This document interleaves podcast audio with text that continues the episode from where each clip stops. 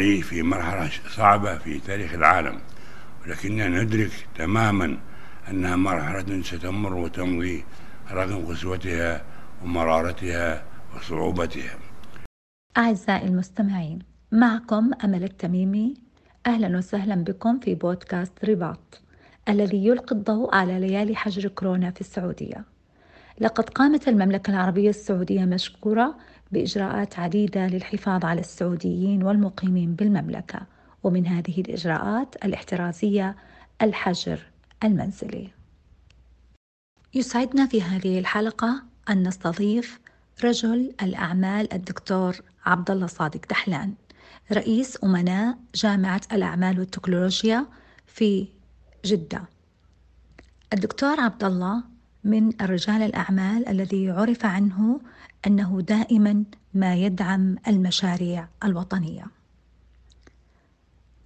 دكتور عبد الله الملك سلمان يدعو إلى تحالف وطني لمواجهة وباء كورونا في السعودية. وهناك شخصيات وطنية سعودية هبت تنادي إلى تنفيذ الأوامر الملكية لتدحض من هذه الأزمة ومن تلك الكوادر الوطنية سعادتك يسعدنا أن نستضيفك وأن تحدثنا عن تفاعل الشعب السعودي مع هذه الأوامر الملكية. قيادة حكيمة وشعب له ولاء كبير. ظروف صعبة تمر بها البلاد من أزمة فيروس كورونا إلى حرص تام من ولاة الأمر على شعب هذا الوطن.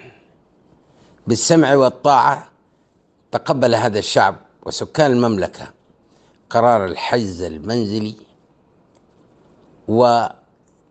ومحاولة الابتعاد عن كل ما يقرب الإصابة بهذا بهذا المرض. حقيقة هناك شعب يقدر مسؤوليته.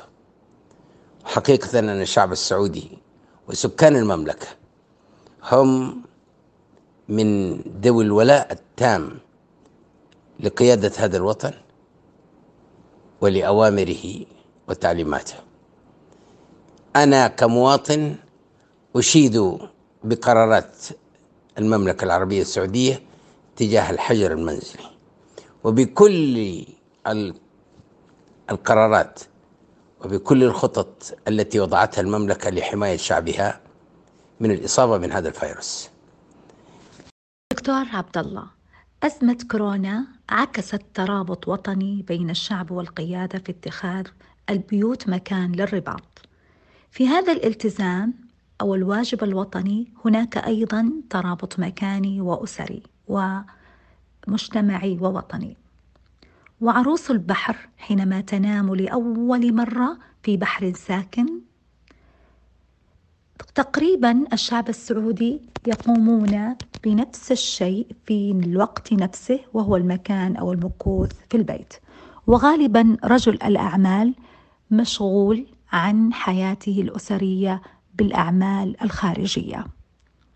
كيف تقضي وقتك بالمنزل دكتور عبد الله حدثنا عن هذه التجربة. قل مثل رب ضاره نافعه أن الحجر المنزلي بالنسبة بالنسبة لعبد الله دحلان كان له فائدة كبيرة. ظللت أكثر من أربعين عام مشغولا عن بيتي وعن زوجتي وأحفادي مشغولا بالخدمة العامة والخاصة لكنها ظروف صعبة حتمت علي البقاء مع زوجتي لأكون قريبا منها. نستذكر التاريخ القديم قربنا كما كنا في بدايتنا. أقضي وقت كبير في مكتبتي في منزلي.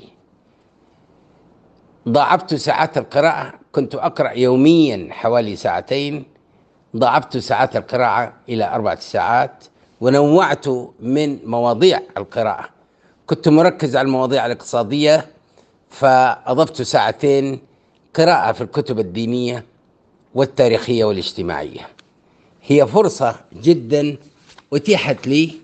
لم أكن أتوقع أنني قادر على قراءة كم الكتب الكبيرة على مكتبي التي وضعتها لقراءتها. كثير منها سير الذاتية لأصحابي وأصدقائي الذين خدموا على مدار خمسين ستين عام وكتبوا بخط يدهم تاريخهم وهي عبرة لي ولغيري ولأبنائنا لأن يقتدوا برجال الدولة الذين خدموا ورجال الأعمال والعلماء والمعلمين. فكانت لي فائدة كبيرة جدا أقضيها بالقراءة وأقريها بالقرب وأقضيها بالقرب من زوجتي وأستمتع بضيافة بعض من أحفادي الساكنين بقربي لأن يقضوا معي بعض من الوقت لأتعرف على شخصياتهم أكثر. فعلا رب ضارة نافعة لم أحسب هذا بحبس انفرادي أو زوجي أنا وزوجتي وإنما حسبته وقفة مع الذات وقفة مع الله. زادت فيها قربي بيني وبين ربي وبين ديني.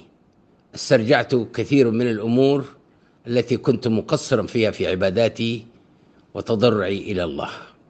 أتمنى الآخرين أن يحسبوها كذلك. وأتمنى من الآخرين أن لا يشعروا بأنه هو حجر أو حجز أو سجن بل يجدوا ما هو مفيد في بقائهم في المنزل. دكتور عبد الله فرضت الأزمة على الجميع البقاء بالحجر المنزلي من باب السمع والطاعة وحرصا على المصلحة الفردية والمجتمعية. وحقيقة السعودية بل العالم بأكمله يمر بأزمة تاريخية خطيرة. ومن وجهة نظرك هل ترى أنه البقاء في المنزل من أقوى الأسلحة المضادة لفيروس كورونا؟ نعم البقاء في المنزل هو أقوى سلاح وأقوى حماية ضد ما مرض ضد فيروس كورونا وهذه حقيقة ليست ادعاء ولا إشاعة ولكن كل التقارير الطبية وكل العلماء ينصحون بالابتعاد عن أماكن الاختلاط بل تفريق الاختلاط جبريا لأن لا ينتقل المرض السيء وهو ينتقل بأسرع ما يكون باللمس بالهواء بالالتماس بالسلام وهي مصيبة. ولهذا أرى أننا أن الله منحنا قدرة على العلاج دون استخدام الدواء وهو البقاء في منازلنا وفي أماكننا كما فعل عمرو بن العاص مع جيشه الذي أصيب بالطاعون عندما فرقهم من جبل إلى آخر حسب توجيه الخليفة عمر بن الخطاب. دكتور عبد الله فعلت أزمة كورونا السعودية الافتراضية أو الأعمال عن بعد. بوصفك رجل أعمال كيف تؤدي عملك عن بعد؟ وكيف استخدمت التقنية عن بعد؟ وما طبيعة الاجتماعات التي تعقدها؟ وما هي التحديات التي تغلبتم عليها في سير أعمالكم؟ الحقيقة أن الحجر المنزلي وأنا كرجل أعمال لم ينقص من ساعات عملي شيء ولم آه، أبتعد عن عملي ولم أخفق في متابعة عملي. البنية التحتية القوية التي وضعتها حكومة المملكة العربية السعودية التقنيات للتقنيات الحديثة في التواصل دفعنا جميعا سواء كنا رجال أعمال أو رجال دولة أو تعليم مدارس وجامعات لأن نستخدم العمل من بعد وهو استخدام الأونلاين سواء كان في المحاضرات أو في الاجتماعات. فعلا أن هذا الظرف حتم علينا وأجبرنا جميعا وإن كانت ثقافة المجتمع الجديد وهي ثقافة إلكترونية. لكن إلى أولئك الذين لم يستخدموا التقنية الحديثة أو التواصل الإلكتروني فرض عليهم الظرف بالتعلم لاستخدامها. ولهذا أجد أنني لم أوفق في التواصل مع زملائي ومع موظفيني ومع طلبتي بل ألتقي بهم يوميا من خلال برامج تواصل سواء كانت قاعدة التواصل زوم أو تيم أو غيرها من البرامج التي جعلت هذا الكون وجعلت هذه المؤسسات والشركات تعمل من بعد حتى من بيوتها ومن مجالسها أو من البر لأن يكونوا حاضرين في مكاتبهم للتواصل لأعمالهم. التقنية هي آه، نموذج جديد للتواصل يخدم في كل المواقف الصعبة. هكذا عملنا وعملت المملكة بكاملها عن بعد لكن أداء متميز لا يختلف عن الحضور اليومي للمكاتب. مثلي مثل أي رجل أعمال أو أي رئيس لجامعة تعقد معظم اجتماعاتنا اجتماعات يومية مع قيادات الجامعة مع مدراء الشركات التي آه، أملكها. يوميا بأوقات محددة نلتقي عبر برنامج زوم أو عبر برنامج آه، تيم آه، هناك اجتماعات مبرمجة يوميا في ساعات محددة. الجميع أراهم على الشاشة صورة وصوت ونتفاعل وكأننا في قاعة اجتماعات. وأنا سعيد جدا بأن هذا التحول في الاجتماعات تحول من اجتماعات يأتي بها الأشخاص من أنحاء المملكة أو من مختلف المناطق في داخل المدينة للاجتماع في موقع واحد يأخذ منهم من الوقت ومن الجهد ومن الإمكانيات التي نتيحها لكن الاجتماعات أونلاين على الشاشة أمامنا كل الحضور في الاجتماع وتدار الاجتماعات من مكتب الخاص واليوم عقدنا في خلال الأسبوعين الماضية تقريبا تقريبا 24 اجتماع بمعدل اجتماعين في اليوم على الأقل عن طريق الأونلاين. أنا أعتقد إنه سبب نجاح التحول الإلكتروني هو البنية التحتية الضخمة التي وضعتها المملكة العربية السعودية لخدمة التواصل الإلكتروني اليوم معظم إحنا أنا أقدر أقول المملكة تعتبر الأولى في الدول النامية وترتيب متقدم جدا في دول العالم المستخدم للتقنيات المتقدمة في المعاملات الإلكترونية الحكومية والقطاع الخاص. دكتور عبد الله أوجدت الجامعات السعودية بعد تعليق الدراسة خطة بديلة وهي التعليم عن بعد. هل أوجدت الجامعات الخاصة خطة بديلة للتعليم عن بعد أو أوقفت الدراسة أو ما هي التدابير الإجرائية التي فعلتها الجامعات الخاصة ومنها جامعتكم جامعة الأعمال والتكنولوجيا؟ جميع الجامعات في المملكة واجهت آه، آه، المشكلة مشكلة فيروس كورونا بإيجاد البدائل عن حضور الطلبة. في اليوم الثاني الذي تم إقرار وقف الدراسة ووقف الاختلاط قررت الجامعات السعودية وهي مؤهلة وعلى وجه الخصوص الجامعات الحكومية والجامعات الأهلية مؤهلة تاهيلا كاملا لاستخدام الدراسة من بعد. ال online courses بدأت في الأسبوع الثاني لدى بعض من الجامعات بل في اليوم الثاني لدى البعض الآخر. جامعة الأعمال والتكنولوجيا بجدة وهي أحد الجامعات الأهلية كانت مستعدة مجهزة للانطلاقة من ثاني يوم. نظرا لاستعدادها المسبق لبناء برنامج متكامل للدراسة عن بعد سيقدم لوزارة التعليم فكانت جاهزة بكل الإمكانات. استطعنا أن نقدم دراسة كورسات من بعد وكأنها مباشرة مع مع مع ترابط مباشر ما بين الأستاذ والطلبة في نفس أوقات المحاضرات بتقييم متميز بمشرفين تحولت الجامعة إلى جامعة إلكترونية وكأنما الجامعة قائمة وموجودة والمحاضرات طلبة في فصولهم والأساتذة في آه، أدائهم المتميز. بل كان أدائهم أميز من وجودهم في السابق في الفصول لأن هذا الأداء عن طريق أونلاين هو تحت إشراف ومراقبة لجنة عليا أكاديمية تستطيع أن تدخل على أي أستاذ إلكترونيا وتتابع محاضراته وتتأكد من عدد الطلبة في فصله وتتأكد من تنفيذه للبرنامج كما وضع له أنا أعتقد أن معظم الجامعات السعودية نجحت في التحول إلى التعليم عن بعد بجدارة.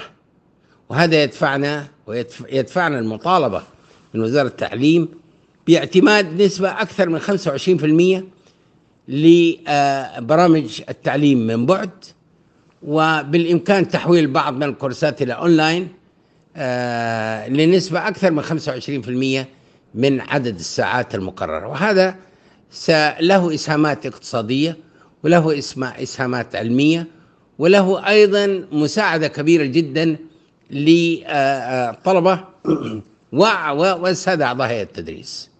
أنا أعتقد إنها تجربة ناجحة بجدارة وتحتاج إلى إعادة نظر مستقبلا في استخدام ال online courses واعتمادها. دكتور عبد الله غالبا ما تكرر هذه العبارة نحن وما نملك للوطن وقطاعات متنوعة كثيرة قدمت خدمات إلكترونية تطوعية للوطن في هذه الأزمة. بوصفك رجل أعمال ومعروف عنك دعم المشاريع الوطنية ماذا جندتم للوطن في هذه الأيام أيام أزمة كورونا والحجر المنزلي؟ ماذا قدم رجال أعمال لبلادهم في هذه الأزمة؟ وماذا قدمت الجامعات لوطنهم في هذه الأزمة؟ بصفتي كأحد رجال أعمال ومؤكد أن هناك العديد من رجال أعمال مؤسسات شركات بنوك قدمت مساهمات متميزة آه، لسكان المملكة ولشعب المملكة ولمؤسساتها وشركاتها وكل في مجاله وكل حسب مقدرته. أنا شخصيا آه، وأنا رئيس لجامعة الأعمال والتكنولوجيا ومؤسس لها وضعت كامل مرافق الجامعة تحت الاستعداد ولخدمة الأزمات التي قد تطرأ وتحتاج إلى مساحات أكبر من الغرف المستشفيات لاستخدامها. فجامعتنا التي تستوعب ستة ألاف طالب وطالبة وضعت كل إمكاناتها للطوارئ ونحن مستعدين لاستضافة آه، لا يقل عن ألفين آه، مريض مشتبه بهم أو مرضى وبالإمكان تحويل منشآت الجامعة إلى مستشفيات مؤقتة. نحن على أتم الاستعداد ليس فقط بالمباني وأيضا بالأشخاص لخدمة الطوارئ. نحن جزء من هذا الوطن تعلمنا فيه وعملنا فيه وكونا رؤوس أموالنا فيه. واجب علينا أن نقدم جزء من هذا الجميل الكبير لوطننا. نحن وما نملك لوطننا. نحن وما نملك لشعب وطننا. نحن في أتم الاستعدادية للقيام بأي مهمة نكلف بها. الوطن غالي علينا وأرواح الناس أغلى علينا ونحن مستعدين كرجال أعمال لأن نثبت هذا على أرض الواقع. دكتور عبد الله الملك سلمان حفظه الله. قدم مصلحة المواطن والمقيم على الاقتصاد. المستقبل لا يعلمه إلا الله ولكن بوصفك رجل اقتصاد كيف تحللون الرؤية الاقتصادية لهذه النظرة الملكية في إدارة أزمة كورونا الصحية التي تقدم مصلحة الإنسانية على الاقتصاد؟ الملك سلمان كما عرفته عندما كان أميرا لمدينة الرياض. هو أميرا ليس ككل الأمراء. وهو حاكم للرياض ليس ككل حكام الرياض. وهو ملك ليس ككل الملوك. رجل حزم وعزم رجل خطط يضع الأهداف ويضع الخطط ثم يتابع التنفيذ شخصيا. عندما وضع خطة التحول المستقبلي بقيادة الأمير محمد بن سلمان وضعت الأهداف ووضعت الخطط والسياسات تم التنفيذ حققنا إيجابيات كبيرة. المملكة اليوم ليست المملكة كما عرفناها في الماضي. هناك تحولات جذرية في البنية التحتية في بنية المجتمع في تركيبة المجتمع في ثقافة المجتمع.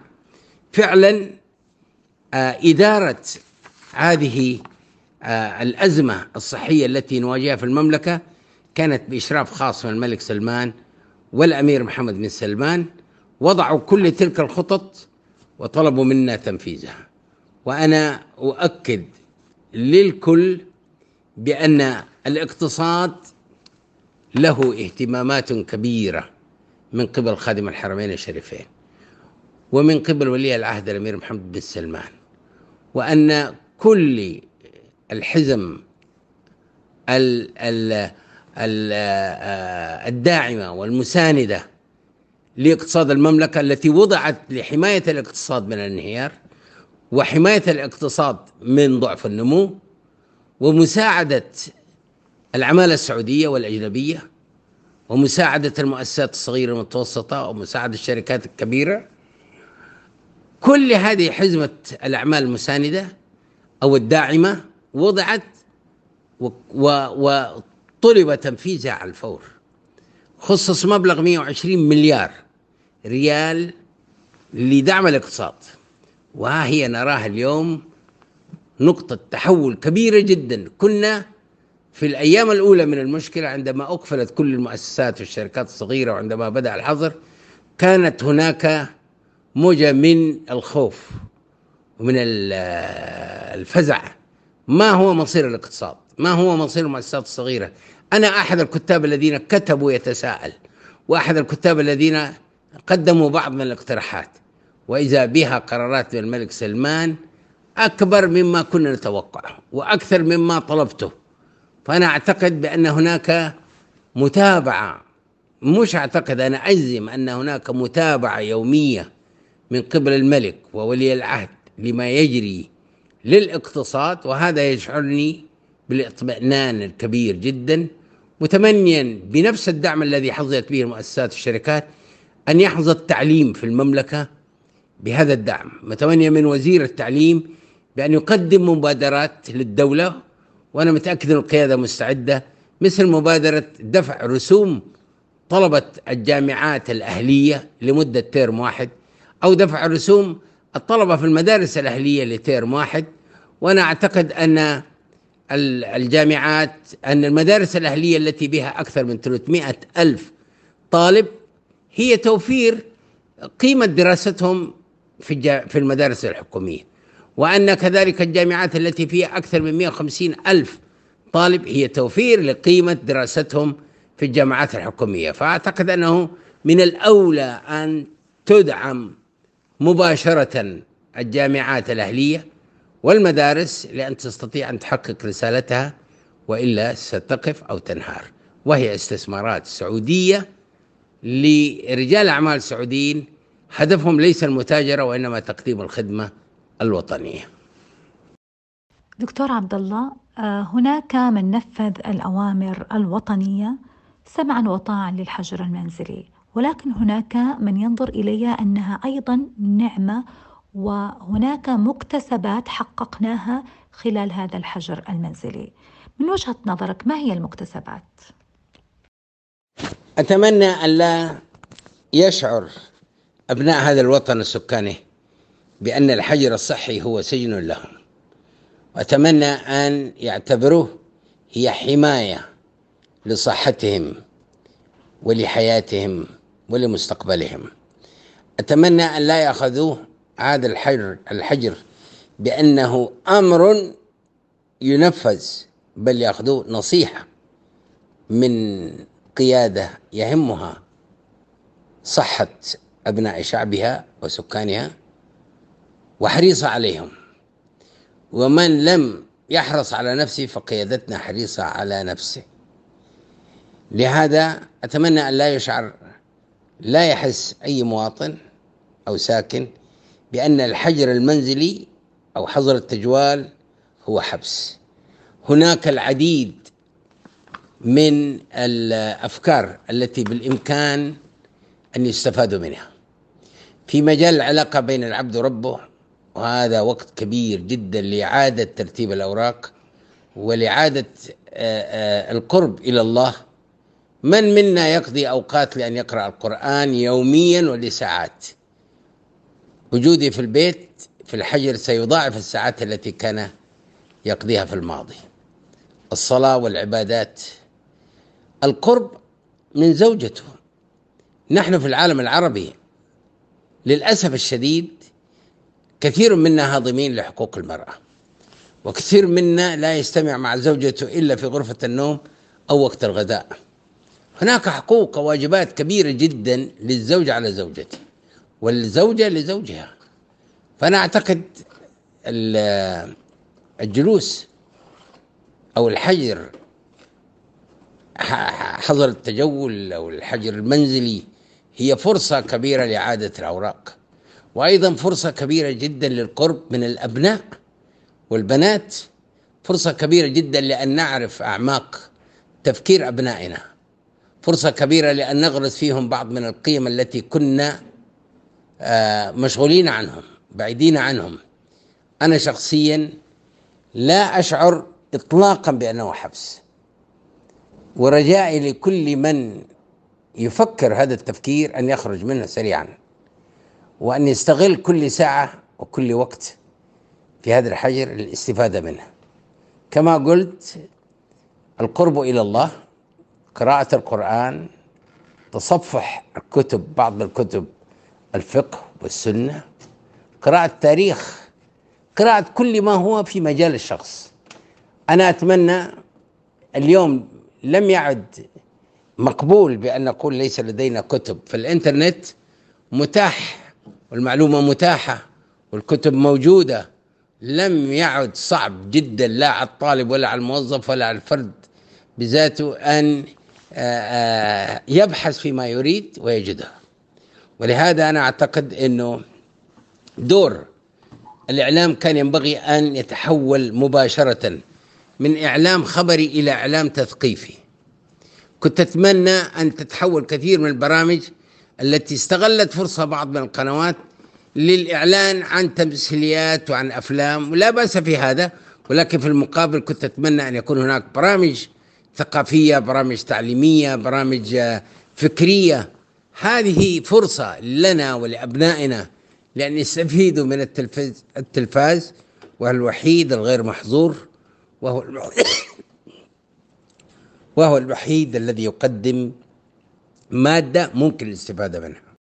أخيرا دكتور عبد الله معظمنا يعرف واجبه الوطني وأيضا الإنساني في أصعب مراحل تمر بها المملكة. ولكن آه، من وجهة نظرك كرجل اقتصاد ورجل أعمال وأيضا أب وتقوم أو تمارس هذا الشيء مثلك مثل أي مواطن حاليا ما هي النصيحة التي تقدمها للشعب السعودي؟ نصيحتي لأبناء وطني دعونا نتفق نلتحم نتحد لدعم قيادتنا. دعونا نركز على أهمية وحدة الوطن ووحدة القيادة كما هي وحدة الدين في الأساس. دعونا نسير خلف قيادتنا دعونا نترك خلافاتنا وآرائنا وأفكارنا الهدامة عند البعض. ونحول كل الجهود لدعم قيادتنا وسياستها. دعونا نقفل الأبواب التي تزعجنا أحيانا وتسعج مسيرة التقدم والخطط المستقبلية. دعونا نتفق جميع جميعنا بأننا من جيلي ومن هو قبل جيلي نعرف جيدا كيف كيف كانت بلادنا.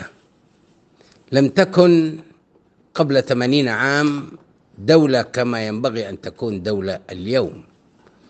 لم تكن المملكة في ذلك الوقت سوى قرى وبعض من المدن الصغيرة التي تفتقر للخدمات ولا أقل الخدمات سواء في التعليم في الصحة والخدمات الأخرى.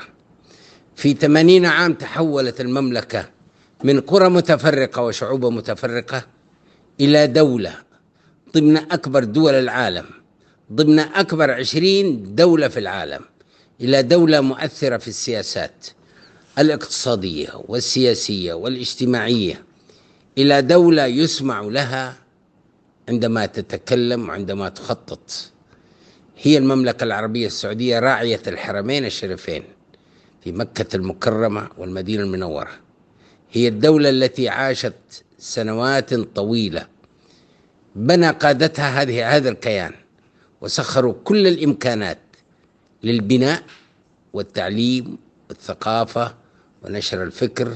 مئات الآلاف من الطلبة تعلموا أخذوا بعثات وخرجوا إلى خارج المملكة وعادوا لأن يساهموا في البناء. الجامعات الحكومية التي صرف عليها بلايين البلايين. المدارس الحكومية والمعاهد. البنى التحتية التي وضعت الخدمات الإلكترونية التي قدمت هو إنجاز عظيم لقيادة المملكة. دعونا نحافظ عليها جميعا وأن نسير خلف قيادتنا. لا نفترق ولا آه، نختلف. دعونا نقدم الرأي السديد. للقادة. دعونا نجتمع سويا لأن نعالج هذه المشكلة التي تواجهنا بالصبر وبالرضا وبتنفيذ التعليمات. بالحجر بالصبر على الحجر سنتجاوز هذه المحنة التي نواجهها. شكرا لكل من ساهم معنا من إعلاميين ومن وسائل إعلامية لنشر ثقافة الصبر ونشر ثقافة الثقافة الصحية لأن نحمي وطننا ونحمي شعبنا. هذه بلادنا نفديها بأرواحنا ودمائنا وسنعمل سويا لأن نتجاوز المحنة. دكتور عبد الله صادق دحلان رئيس مجلس الأعمال رئيس جامعة الأعمال والتكنولوجيا عضو مجلس الشورى السابق كاتب بجريدة عكاظ. شكرا. وأخيرا كما ذكر دكتور عبد الله دحلان دعونا نتفق نترابط نتحد لدعم قيادتنا ونركز على وحدة الدين والوطن ونسير خلف قيادتنا. نلتقي على المحبة في بودكاست رباط معكم محدثتكم أمل التميمي مونتاج دين القرني. نلتقي على خير.